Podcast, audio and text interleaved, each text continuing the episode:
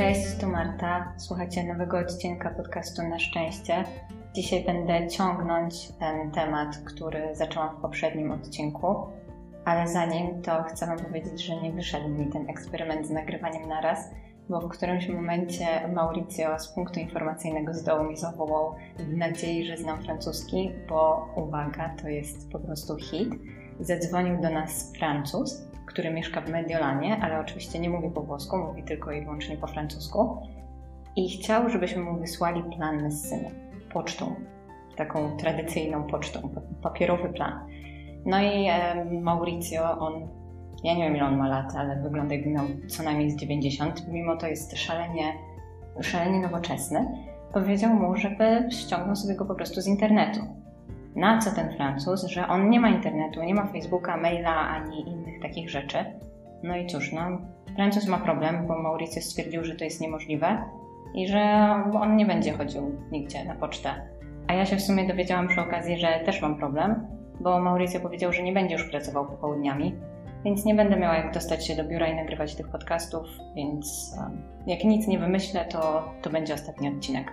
I też tak sobie myślałam a propos ostatniego odcinka, że w sumie fajnie by było przeprowadzić podobne badanie jak to Kahnemana i Litona, tylko że w Polsce, bo myślę, że oprócz innych zarobków to wyszłyby też jakieś ciekawe różnice kulturowe.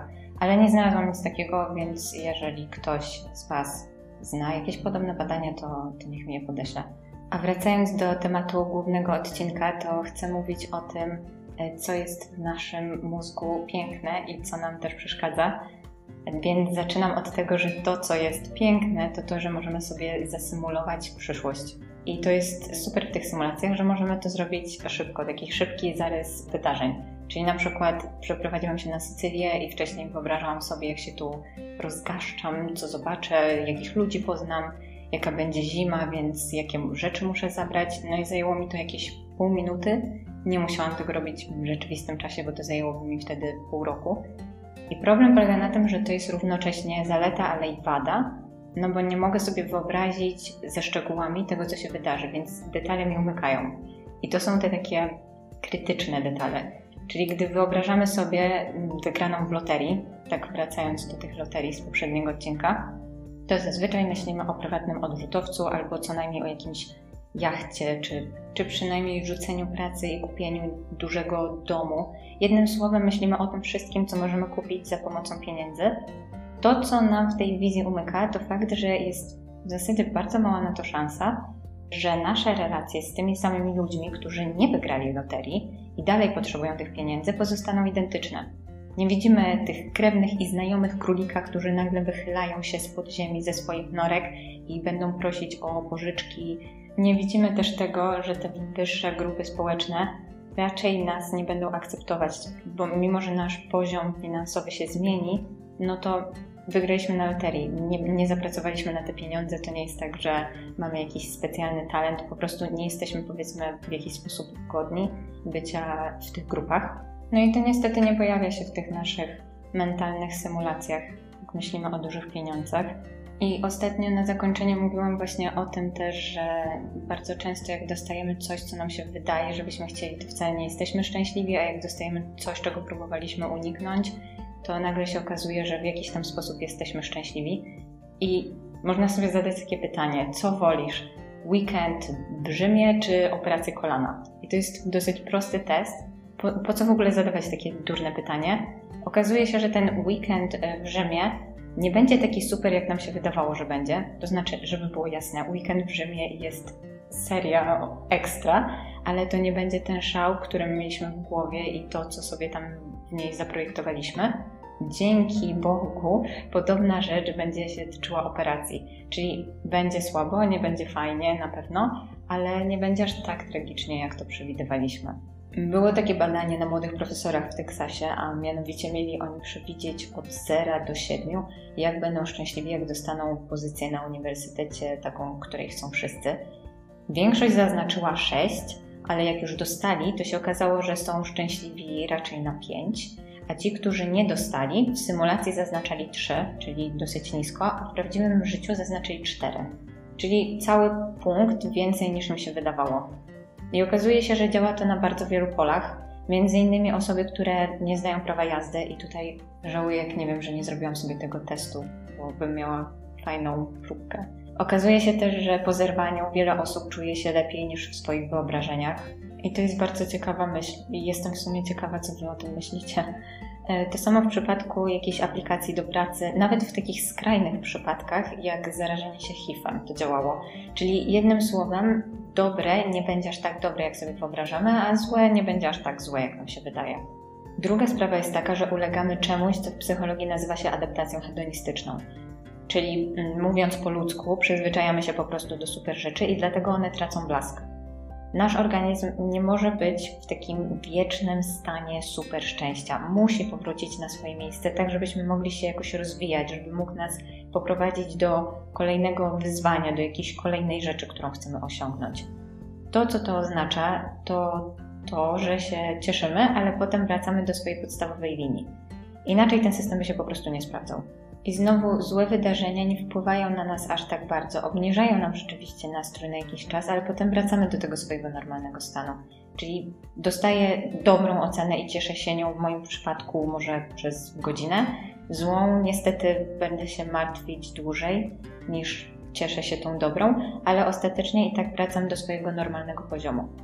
A więc ostatecznie prawda jest taka, że nie możesz zostać na dziesiątce szczęścia w skali od 0 do 10 przez cały czas. Ludziom wydaje się, że szczęście to jest miejsce, do którego dotrą i już tam pozostaną na zawsze i będzie po prostu cudownie. A tak nie jest. Trzeba myśleć o tym bardziej jak o wakacjach, czyli jeździsz na nie raz na jakiś czas i przez określony czas. Jak będziesz dobrze ogarniać, to będziesz częściej po prostu jeździł na wakacje, będziesz częściej na tej dziesiątce. I może nawet będziesz zostawać tam na dłużej, ale nie da się żyć cały czas na dziesiątce. Ludziom się też wydaje, że skoro ich poziom szczęścia wraca na dawny poziom, po tym jak coś absolutnie niesamowitego się wydarzyło, to znaczy to, że coś jest z nimi nie tak. Awans w pracy, narodziny dziecka, i takie, więc żyli długo i szczęśliwie, tak? Takie bajkowe zakończenie, które jest tak naprawdę możliwe tylko i wyłącznie w bajce, bo ta bajka się kończy w momencie, jak czytamy to zdanie i nie ma dalszej części Kopciuszka, na... a nie, jest dalsza część Kopciuszka i to ma sens, bo w dalszej części Kopciuszka, Kopciuszek w tym zamku ma, no ma trochę przerąbane. I właśnie Dan Gilbert mówi o tym, że my nie potrafimy tak do końca realistycznie przewidzieć tego, jak źle będziemy się czuć i w życiu dzieją się różne rzeczy. Tracimy przyjaciół, członków rodziny, są jakieś choroby, no cała masa tragedii. Ale my jesteśmy niewiarygodnie odporni tak naprawdę na te złe wydarzenia i nie doceniamy natury, która zbudowała nas tak, żeby po ciężkich momentach podnieść się i iść przez siebie. Tak samo jak nasz system odpornościowy włącza się produkuje przeciwciała, gdy atakuje nas choroba, tak samo nasz umysł włącza się, gdy mamy jakieś tragiczne wydarzenie. I on sobie tam działa. I chyba takim najprostszym przykładem, który powinien do każdego przemówić, to jest zerwanie z kimś, zerwanie z jakąś bliską nam osobą. Czyli najpierw jesteśmy nieszczęśliwi, ale potem przychodzi racjonalizacja, że w sumie to nie byliśmy dopasowani, to jest dobry moment, żeby rozpocząć na nowo swoje życie, a w ogóle to nie lubił mojej mamy i mojego psa. jak myślimy o zerwaniu, to myślimy o beznadziei i bólu. Nie myślimy o tym, że no luz, zaskoczy mi racjonalizacja i wszystko będzie git. A racjonalizacja ma tyle mocy, co rzeczywiste pozytywne doświadczenie. I możecie uważać, że to jest oszukiwanie siebie i że to nie jest prawdziwe szczęście, ale badania pokazują, że nie ma różnic w mózgu, jeżeli chodzi o szczęście, gdy Twój wybranek powie tak i gdy Twój wybranek powie nie, a Ty to sobie zracjonalizujesz. W niektórych przypadkach to drugie jest nawet dłuższe w szczęściu. No dobra, ale co z tymi osobami, które przeżywają naprawdę takie ekstremalnie traumatyczne rzeczy? I tutaj dobrym przykładem jest José René Martinez, który jest Amerykaninem, oczywiście, e, mówcą motywacyjnym, aktorem teraz też. Urodził się jako e, syn samotnej matki i w wieku 19 lat poszedł do armii. To było zaraz po tym ataku na World Trade Center, bo uważał, że to będzie coś, co go jakoś zdyscyplinuje. Po dwóch miesiącach w armii jego sierżant wysłał go do Iraku i po kilku tygodniach eskortował konwój, który najechał na bombę. I dwóch żołnierzy zdążyło wyskoczyć, ale on sam został uwięziony w środku i w ciągu sekundy wszystko zaczęło płonąć. I mimo, że ostatecznie udało się go wyciągnąć, to miał już uszkodzenia w żebrach, wątrobie i przede wszystkim miał poparzenia trzeciego stopnia na całym ciele. Nie wspominając o tym, że nawdychał się dymu. Więc to jest sytuacja, w której nie możesz nic zrobić. Nie możesz wstać, nie możesz siedzieć, nie możesz jeść, nie możesz pić. Jak leżysz, wszystko cię po prostu boli. Wyrzucili go z armii. Do 22 roku życia był tak naprawdę w szpitalu. 34% jego ciała było spalone, w tym m.in. twarz, ręce, ramiona, część nóg, część pleców itd. Części, które nie są poparzone, też bolą, więc to jest ból, którego ja na przykład nie jestem w stanie sobie wyobrazić i nawet nie chcę go sobie wyobrażać. I oprócz tego wszystkiego mamy jeszcze jedną rzecz. On dorastając cały czas słyszał, że jest tam przystojny, słodki słyszał takie komplementy, które dotyczyły jego wyglądu i nie zastanawiał się nad tym za bardzo, jakoś po prostu taki był. W tym momencie całe to jego piękno zewnętrzne zostaje mu odebrane, a ponieważ nigdy nie słyszał pochwał o swojej osobowości, to teraz tak naprawdę został z niczym.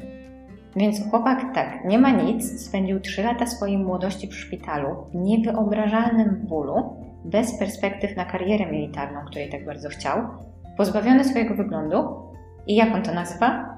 Błogosławieństwo. To jest dokładnie to, co on mówi o całej tej sytuacji, że on czuje, że miał po prostu szczęście, że wydarzyło się to, co, ta, to, to, co się wydarzyło.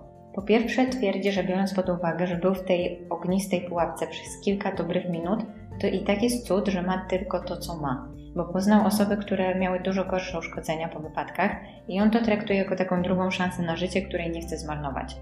Na tym etapie on tak, został mentorem dla innych ofiar poparzeń, poprowadził całkiem lukratywne wykłady i mówi, że opowiadając o tym swoim doświadczeniu tak raz po raz, zrobił się w tym tak pewny, że nawet jego znajomi zaczęli żartować, że powinien zostać aktorem. I on, jakby niewiele się nad tym zastanawiając, spróbował. I dostał rolę w serialu, co go z kolei doprowadziło do programu Taniec z Gwiazdami i innych ról w serialach. I ostatecznie w ogóle napisał książkę o swoim życiu i o życiu swojej rodziny, która stała się bestsellerem e, New York Timesa. I z powodu tych blizn dostał uwagę ludzi. I jak to sam opisał, dostaje te 15 sekund ciekawości. Kto to? Co mu się stało? I on czuje, że to jest wyzwanie, żeby zamienić te 15 sekund w 30, 45 i tak dalej, a potem zamienia to w dialog edukacyjny. I mówi, że nie chce zmieniać nic w swoim życiu. Ma piękną żonę, piękną córkę, uważa, że ma fantastyczne życie jest szczęśliwy. I opowiada, że kiedyś chciał być sławnym graczem futbolu amerykańskiego, mieć właśnie sławę i pieniądze, i teraz zastanawia się, czy tak naprawdę byłby wtedy tak szczęśliwy, jak jest teraz, bo teraz ma w tym życiu wiele takiego prawdziwego znaczenia i czuje, że pomaga innym. I Dana Gilberta na przykład nie dziwi specjalnie zachowanie Martineza ani innych osób, które przeszły takie traumatyczne przeżycia, bo on sam mówi, że my nie spodziewamy się, że coś bardzo, bardzo pozytywnego może wyjść z bardzo beznadziejnej rzeczy, nawet jeżeli kiedyś o tym gdzieś słyszeliśmy albo coś czytaliśmy. Gilbert badał osoby, które straciły dziecko. I on sam przyznaje, że wyobrażenie sobie utraty dziecka to jest jedna z najtragiczniejszych rzeczy, jakie można sobie wyobrazić. I w rzeczywistości to jest rzeczywiście jedna z najgorszych tragedii, jaka może się przytrafić rodzicowi. To, co jest w tym wszystkim najdziwniejsze, to że gdy z nimi rozmawiał, to nigdy żaden z rodziców nie powiedział, że utrata dziecka to było coś dobrego, ale gdy zapytał ich o złe i dobre rzeczy, które z tego wynikły, to ludzie zazwyczaj wymieniali więcej dobrych rzeczy niż złe. I to jest po prostu coś, co absolutnie powala na kolana. I co to tak naprawdę znaczy? To znaczy, że jesteśmy wojownikami. Mimo, że teraz trochę oszukujemy ewolucję, to jednak mamy w sobie geny tych osobników, które przeżyły, tych, które walczyły o to przeżycie. I mam wrażenie, że w Polsce nie trzeba nawet jakoś daleko szukać, bo jesteśmy potomkami osób, które przeżyły wojnę, którym się udało wyjść z obozów, ukrywać się albo walczyć, i to też ma jakieś tam znaczenie. I nasz psychologiczny system odpornościowy jest niewiarygodny. Ten system sprawia, że jesteśmy odważniejsi, odważniejsze, więc owszem, w życiu spotkają cię straszne rzeczy, ale masz super moc, która się wtedy odpali, bo mimo, że nasz mózg mówi nam, że będziemy szczęśliwi tylko wtedy, gdy wszystko idealnie się ułoży, to to nie jest prawda. Szczęście wynika z naszych nawyków i zachowań, o których jeszcze mam nadzieję, że będę miała okazję kiedyś poopowiadać. A teraz kończę i żegnam się z Wami cieplutko. Ciao, ciao!